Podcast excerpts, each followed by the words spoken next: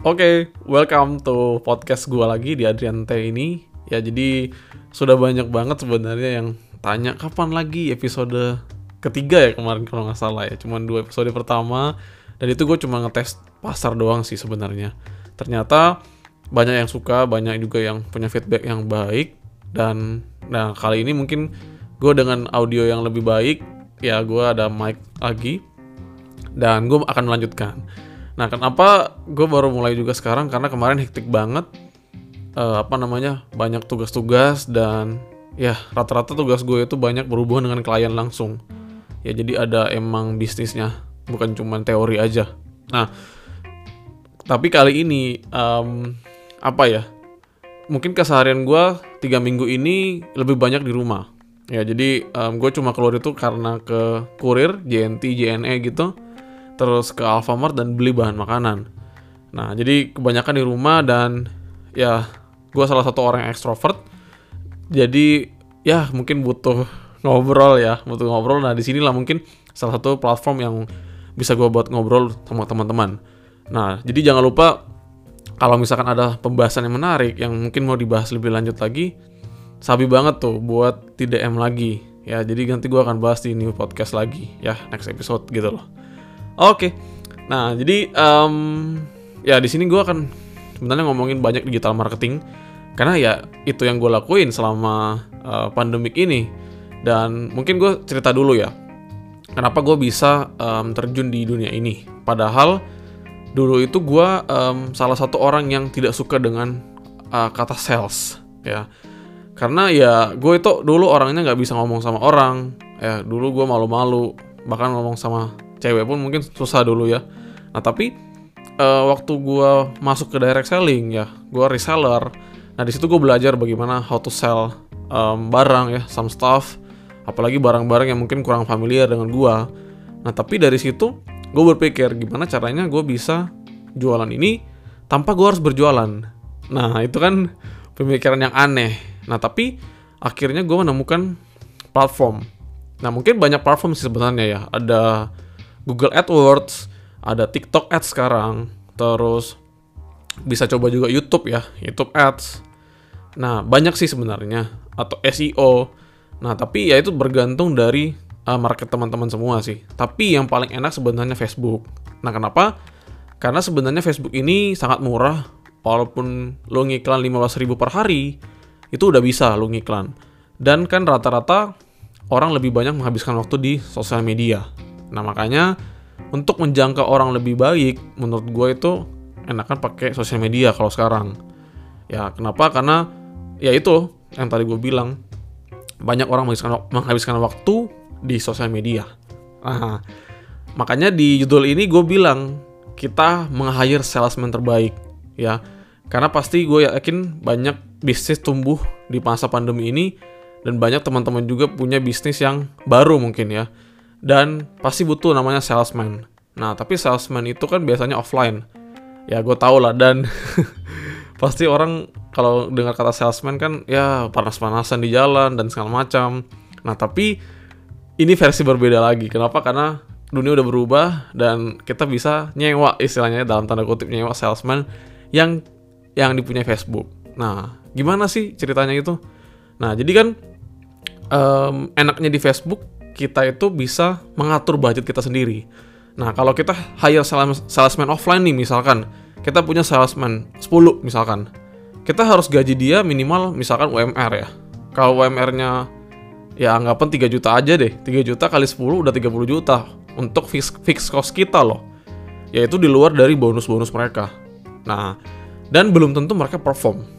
Kalau mereka nggak perform, kita rugi dong. Ya, fix cost kita 30 juta hilang atau misalkan ya anggapan mereka perform tapi nggak nggak seperform itu ya tetap rugi juga pastinya. Oke? Okay?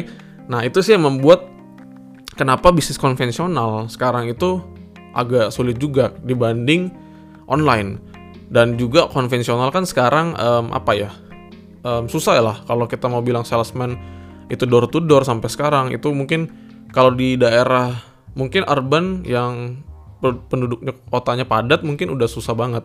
Tapi kalau mungkin di kota-kota yang lebih kecil mungkin bisa gitu loh. Nah di sini gue mau ngajarin sedikit lah sharing bukan untuk balas menggurui kenapa gue masih belajar juga sampai sekarang masih trial dan error karena kan ya kita setiap hari belajar lah dan gue buat um, sharing seperti ini kan gue juga belajar kenapa karena gue mau sharingkan sesuatu ya gue tambah dalam gitu um, pemahaman gue tentang apa yang gue sharingkan gitu nah jadi bagaimana sih kita bisa dapat uh, salesman yang terbaik nah tapi uh, sebelum kita punya salesman terbaik ada sebenarnya empat ya empat masalah yang uh, biasanya teman-teman yang di awal ini itu melakukan kesalahan.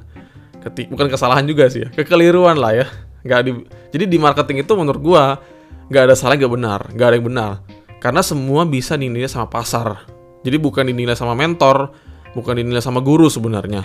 Tapi ya itu dinilai, sama pasar. Jadi walaupun racikan kita ini, racikan marketing kita ini nggak sesuai buku, nggak sesuai teori sebenarnya nggak ada yang salah. Kalau di real life ya, bukan di kampus. Nah, tapi ya itu nggak ada yang salah nggak benar. Jadi ada empat sebenarnya hal yang mungkin agak keliru menurut gue sendiri. Karena gue juga melakukan hal yang sama dulu. Nah, gue cerita dulu, gue belajar dua tahun yang lalu kalau nggak salah. Dan itu satu tahun pertama, gue itu nggak ada untung sama sekali dari iklan. Kenapa? Karena gue fokus buat mempelajari gimana cara kerjanya, dan membaca laporan-laporan iklannya. Nah, jadi di iklan itu kan pasti ada data teman-teman. Gak sama kita yang iklan di koran. Kalau di koran kan kita masukin, terus kita nggak tahu orang yang lihat itu siapa, berapa banyak, umurnya berapa.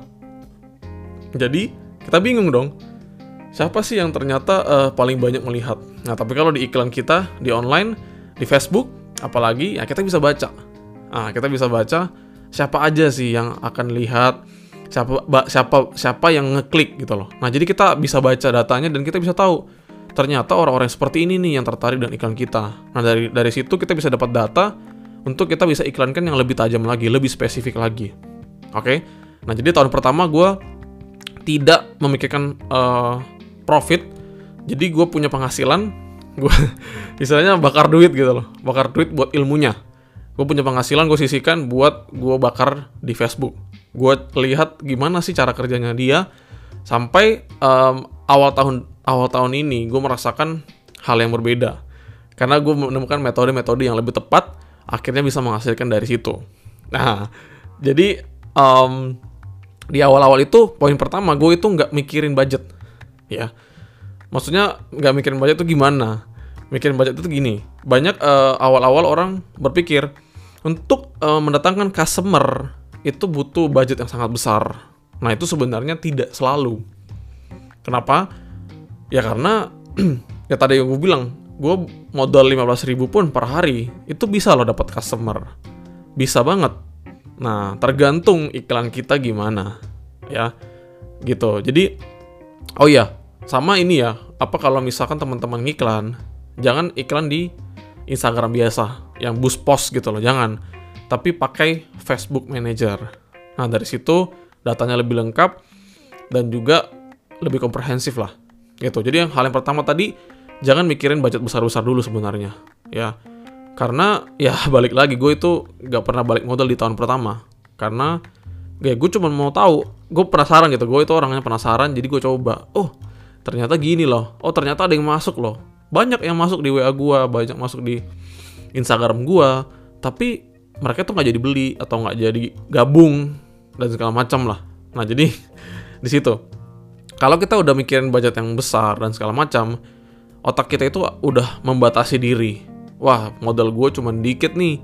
Gimana caranya? Nah saran gue bisa dibajetin misalkan satu bulan kalau lu punya budget satu juta ya udah bagi 30 hari. Kalau nggak cukup misalkan 15 apa? Kalau nggak cukup atau misalkan mau lebih gede per harinya nggak apa-apa. Misalkan oke okay, dua minggu pertama aja nih di awal bulan gua iklan. Atau misalkan gua ngiklan pada saat uh, awal bulan misalkan. Karena kan orang lagi ini kan lagi gajian tuh. Ha, mungkin di akhir bulan gua nggak iklan gitu loh. Atau misalkan ada event 11 11 atau 10 10 nah di situ baru gua ngiklan nah itu bisa itu di situ pas di situ baru lu perbesar budgetnya Nah dari situ lu baca, lu lihat behavior-behavior yang masuk. Nah jadi nggak perlu banyak-banyak sebenarnya. Yang penting lu tahu dulu nih, apakah salesman yang lu pakai ini itu bisa menghasilkan. Nah karena ketika menghasilkan, lu itu punya kepercayaan diri untuk menambah budget gitu loh. Misalkan nih lu kasih 100 ribu, terus dia nguntung nih sampai 300 ribu. Masa lu nggak nggak berani sih buat naikin 200-300 ribu? Pasti lu berani. Nah jadi jangan langsung ambil langkah besar sebenarnya. Ya khusus eh, apa khusus apalagi yang modalnya kecil apa atau misalkan usahanya masih kecil lah gitu loh, yang masih ragu-ragu. Nah dan kalau ngiklan usahakan ya itu bisa punya profit sekitar 70.000 sampai 100.000 atas lah untuk enaknya ya gitu nah itu sih yang pertama budget nah itu memang paling sensitif lah karena makanya gue bahas di pertama nah terus yang kedua kalau kita ngiklan itu sama dengan untung langsung untung nah itu nggak seperti itu juga teman-teman karena kan banyak uh, apa ya janji-janji manis yang ya entah mungkin pembuat kelas atau course yang bilang kalau lo iklan lu pasti untung. Enggak, enggak seperti itu. Jadi digital marketing itu sama aja dengan sebenarnya marketing secara konvensional menurut gua. Nah, tapi bedanya kita platformnya berbeda, ya. Nah, sama aja misalkan kayak lu mau iklan di TV. Sama, lu harus bikin konten juga. Kalau konten lu nggak menarik, ya percuma juga. Sama ketika di online juga sama. Lu harus bikin konten yang menarik. Nah, kalau nggak menarik, orang nggak mau klik iklan lu kalau orang nggak mau klik iklan lu mereka nggak akan baca deskripsi produk lu dia nggak akan lihat foto-foto produk lu nah jadi iklan nggak harus nggak nggak langsung untung teman-teman ya bukan serta merta gue pencet iklan terus gue tidur 10 hari orderan ada 1000 gitu enggak teman-teman tapi gue tiap hari pantau gue tiap hari lihat sampai gue tahu polanya nah baru gue bisa mungkin bisa tinggal tinggalin gitu loh mungkin oh gue cuma cek pagi terus siang, terus malam, ya mungkin sekitar sejam gue ceknya gitu. Nah tapi awal-awal ya mungkin tanya teman-teman yang lain deh yang belajar juga. Itu pantaunya lama banget. Apa satu hari pasti sering mantau gitu loh maksudnya. Jadi kita harus uh, apa ya punya mindset yang apa ya nggak cepet nggak instan gitu loh. Nah kenapa? Karena kalau orang iklan terus langsung untung ya semua orang kaya teman-teman. Nggak usah lah kita kerja yang lain dong. Kita ada produk kita foto ya foto biasa aja kita nggak endorse kita nggak buat konten yang menarik terus kita uh, iklan boost post gitu kita boost post sejuta per hari contohnya ya terus um, laku 100 misalkan. Untungnya untungnya 2 juta. Berarti kan bersihnya satu juta dong. Nggak mungkin lah teman-teman. Jadi hindari mindset itu. Nah dulu gue seperti itu juga awal-awal. Kayak wih kalau gue iklan udah pasti untung nih. Tapi ternyata nggak untung jadi kecewa kan. Nah gitu. Kecewa akhirnya nggak lanjut. Banyak yang seperti itu. Dulu gue juga sempet vakum berapa lama nggak ngiklan-ngiklan ngumpul duit lagi baru nanti setelah ada moodnya ngiklan lagi. Gitu karena gue punya mindset iklan pasti untung gitu loh. Harus untung. Nah sebenarnya sih ya memang idealnya harus untung dong. Tapi ya namanya belajar masa sih kita bisa langsung untung? Gini loh istilahnya kalau um, semua orang bisa ngiklan, semua orang bisa klik uh, boost post dan itu langsung laku, ya ngapain ada namanya sosial media? Eh sorry, ngapain ada namanya ini uh, Facebook Ads uh, agency gitu loh? Buat apa ada digital marketing agency gitu loh? Ya udah lu boost post aja laku, ngapain lu bayar-bayar orang lagi kan? Terus banyak kan di perusahaan-perusahaan itu yang punya divisi digital marketing sendiri. Nah itu kan mereka baca data, mereka tahu platform yang mana, terus kontennya seperti apa, mereka tahu semua. Jadi itu harus dikombain semua teman-teman. Bukan cuman kita ngiklan langsung untung. Nah, ini buat teman-teman yang awal-awal biar nggak kecewa. Nah, jadi persiapkan mental, mental baja untuk belajar gitu. Jadi kita istilahnya bayar uang sekolah lah ini, uang sekolah buat kita belajar gitu. Nah, itu poin yang kedua, iklan tidak langsung untung. Nah, dan yang ketiga itu tidak punya website. nah ini um, banyak juga pertentangan dia. Wah, emang iklan harus punya website dan segala macam. Nah website yang gue maksudkan sini sendiri di sini bukan website yang langsung kayak lengkap gitu loh. Karena mungkin yang ada homepage-nya, yang ada profile apa, terus ada banyak banyak pilihan gambar segala macam itu yang udah ribet lah ya. Nah bukan bukan itu maksud gue, tapi uh, single page pun nggak masalah gitu loh. Mungkin secara umum, secara spesifik dikit aja tentang produk kita. Ya misalkan kalau lu jual baju, ya udah lu pajang dikit model-model baju lu, terus deskripsinya bahannya seperti apa, terus tombol beli atau tombol pesan atau tombol form.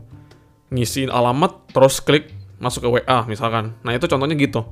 Nah jadi nggak perlu yang sampai ada profil perusahaan, terus alamat dan segala macam yang yang biasa lu lihat dah. Nah itu nggak perlu sebenarnya. Tapi single page aja itu udah cukup. Nah kenapa sih punya website itu penting? Karena di website ini kita tuh ada namanya pixel teman-teman. Nah pixel ini yang buat nge-track. Track itu apa ya namanya? Hmm, anggapan gini loh.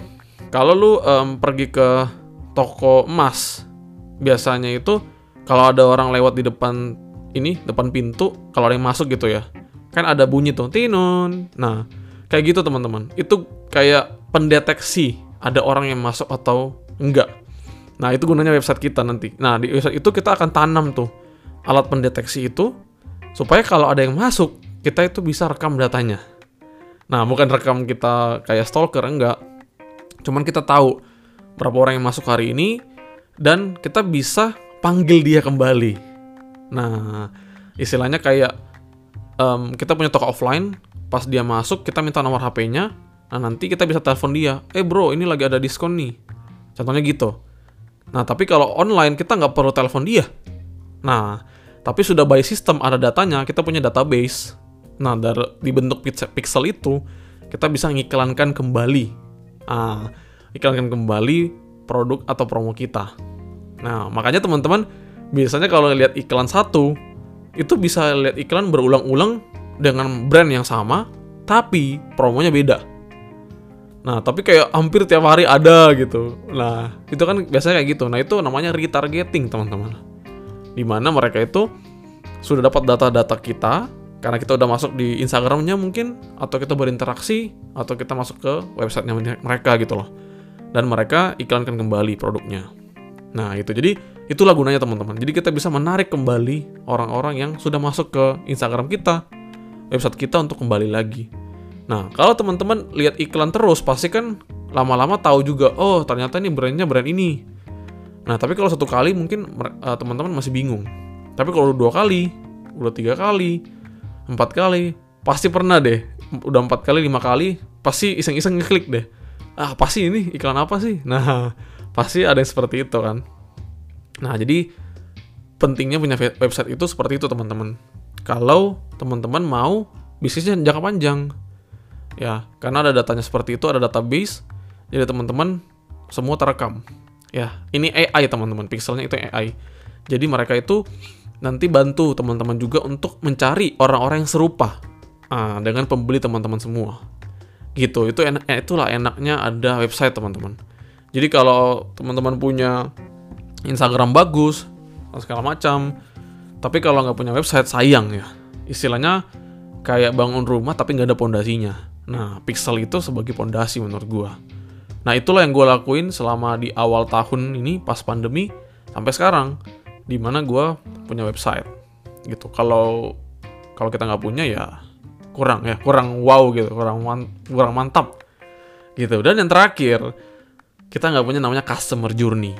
Nah, customer journey ini kalau kita mau bilang itu adalah perjalanan konsumen dari mulai iklan kita itu sampai closing, sampai mau beli barang kita. Nah, jadi istilahnya kita harus udah simulasi nih, udah tahu nih. Oh, kalau konsumen itu lihat iklan kita, mereka tuh punya persepsi apa sih? Misalkan kayak gue ngiklanin baju nih. Oh, persepsi yang gue mau bangun itu apa? Apakah dari baju ini tuh mereka nyaman, keren, nah, atau misalkan mungkin tambah naik uh, status sosialnya atau gimana? Nah, konten yang ads itu atau video itu atau foto itu akan kita duplikasikan lagi, akan kita copy paste lagi dengan format yang mirip itu di website kita. Nah, jadi satu format semua teman-teman. Jadi nggak beda-beda pesan yang mereka tangkap. Nah, sampai akhirnya pun pas kita closing, nah sama hot buttonnya atau titik di mana mau beli, mereka mau beli itu karena value itu, value yang sudah kamu bangun dari awal. Misalkan di kawan kita sudah bilang nih, oh kalau kamu pakai baju ini kamu keren, ya toh. Nah, Terus di website kamu bilang uh, keren juga. Kamu kasih lihat foto-foto artis mungkin yang keren banget itu atau endorser atau siapa pun itu. yang pakai baju kamu itu keren juga menurut dia dan menurut kamu juga. Nah, dan ketika mungkin di WA dia konsultasi, nah kamu bisa kasih lagi lihat testimoni-testimoni pelanggan-pelanggan yang sudah pakai baju kita. Ah, tentunya itu kan sangat powerful. Nah, jadi bangunlah customer itu, customer journey itu. Jadi dari pada awal dia ik, lihat iklan, persepsinya apa, ketika di website itu dia baca seperti apa, dan yang terakhir pas closing. Nah, kalau teman-teman itu nggak pakai WA untuk closing, ya nggak masalah. Langsung closing aja di website bisa. Atau misalkan closingnya di Shopee atau di Tokopedia itu bisa juga sebenarnya. Gitu. Jadi mereka tuh dari awal sudah kita rek apa kita catch kita tangkap sesuai dengan value mereka lalu kita hajar nanti di website kita. Nah kalau betul-betul cocok nah pasti dia akan beli. Kalau duitnya belum ada nanti kita retargeting lagi pakai pixel. Gitu. Udah mungkin apa teknis banget ya ini empat pembahasan ini. Cuman uh, hope uh, my explanation bagus banget untuk teman-teman yang bisa ditangkap ya. Dan kalau misalkan ada pertanyaan itu boleh banget DM gue aja. Nanti gue coba untuk uh, jelaskan di next podcast tapi ya tau lah ini kan audio jadi kita nggak bisa jelaskan terlalu gimana. Karena sebenarnya ya ini butuh visual. Tapi karena banyak yang request juga ya udah gue kasih istilahnya cara berpikirnya. Gitu jadi ada empat poin tadi. Jangan uh, mikir budget besar karena semua berawal dari kecil pastinya. Gue juga berawal dari budget yang kecil. Yang kedua itu kita iklan nggak langsung untung tapi kita iklan kita cari data kita belajar baca datanya dan kita belajar cara kerja dari uh, digital marketing ini platformnya. Apa pun itu ya. Mau Facebook mau Google itu semuanya pasti kita butuh uh, apa ya istilahnya? Butuh waktu untuk belajar kita tes gitu. Yang ketiga usahakan banget teman-teman punya website. Ini sangat gue saranin apalagi teman-teman yang langsung mau close closing ya. Langsung mau uh, laku barangnya itu bagus banget kalau pakai apa pakai website. Dan yang terakhir selalu uh, mikir sisi konsumen ya customer journey seperti apa sih? Karena kalau kita nggak berhasil membangun itu pasti konsumen akan lari. Entah dia nggak klik videonya atau pas di website itu dia nggak klik WA atau pas closing itu dia nggak closing. Karena isu yang kita bangun atau value yang kita mau bangun di persepsi di awal itu tidak sampai di dia. Atau mungkin nggak cocok gitu loh sama mereka. Gitu ya. Nah itulah yang itulah um, salesman terbaik menurut gua sekarang ya. Karena gua uh, cukup di rumah terus gua operasiin di laptop dan nggak perlu 24 jam. Terus gua nggak perlu panas-panasan di luar. Gua nggak perlu untuk um, bayar salesman fixed cost ya. Gaji tetap nggak perlu. Karena gue bebas. Gue hari ini mau keluarin berapa? Gue mau keluarin sejuta gue mau keluarin 50 ribu doang. Itu bisa. Nah tapi ya pasti um, dengan budget itu ya ber, pasti akan apa namanya ya timbal baliknya beda dong. Kalau saya apa kalau gue satu juta sama seratus ribu ya pasti beda dong. Jumlah calon pembelinya akan masuk. Gitu loh ya. Jadi gitu. Itu salesman terbaik sih menurut gue jadi sebenarnya Facebook ini bisa diterapkan ke banyak uh, jenis bisnis. Ya. Ya hampir semua sih ya bisa ya. Hampir semua tapi nggak semua ya dan uh, mungkin ada beberapa bisnis yang nggak langsung closing di hari itu juga. Misalkan kalau lo jual mobil jual um, jam tangan yang mahal terus jual rumah properti itu kan mungkin butuh ketemu dulu atau segala macam gitu. Jadi teman-teman bisa mainkan uh, banyak sebenarnya bidang-bidang uh, lain untuk lo bisa jualan di Facebook ini. Ya tentunya ya itu tadi gue bilang salesman-nya yang jalan gitu loh. Jadi sekarang kan ya orang semua di rumah dan segala macam. Jadi ya gue tahu betapa, betapa sulitnya kalau kita masih offline. Ya pasti ya belum lagi kalau ada yang punya orang tua di rumah khawatir kalau orang tuanya kena juga gara-gara kita yang keluar-keluar ya mungkin kita masih muda tapi orang tua kita nggak tahu. Mungkin kita bisa jadi jadi OTG atau apa pun itu ya gue juga nggak tahu.